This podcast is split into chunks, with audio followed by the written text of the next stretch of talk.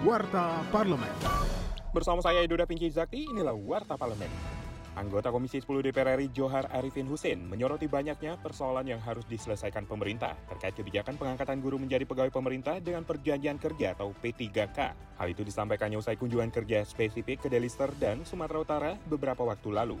Politisi praksi Partai Gerindra itu mengatakan seharusnya guru-guru swasta yang lolos P3K dapat ditempatkan di tempat awal mula guru tersebut mengajar, agar stabilitas pendidikan di sekolah-sekolah di tanah air tidak terganggu.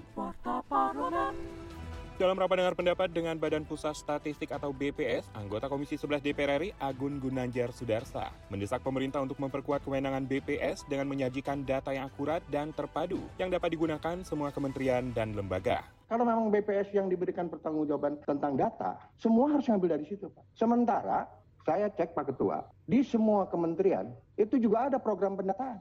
Desa bikin lagi pendataan, Kemendagri bikin lagi pendataan, data ini, data ini, data ini. Yang kadang-kadang dipakai oleh diri. Tolong ini diakhiri.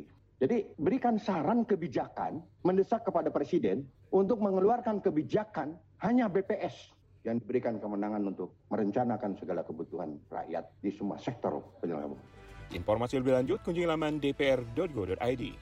Anggota Komisi 8 DPR RI Ahmad mengatakan untuk dapat memberdayakan masjid di lingkungannya, masyarakat harus membangun image masjid sebagai solusi bagi persoalan kehidupan dalam mengatasi persoalan ekonomi dan sosial masyarakat. Untuk itu, dalam rapat dengar pendapat dengan Badan Amil Zakat Nasional, politisi praksi Partai Demokrat tersebut mendorong sentuhan anggaran pada program Basnas dengan pemberdayaan masjid-masjid untuk memberikan sentuhan kepedulian terhadap masyarakat yang kurang mampu di lingkungan masjid. Televisi Radio. Demikian Warta Parlemen, Produksi TV dan Radio Parlemen, Biro Pemberitaan Parlemen, Sekjen DPR RI.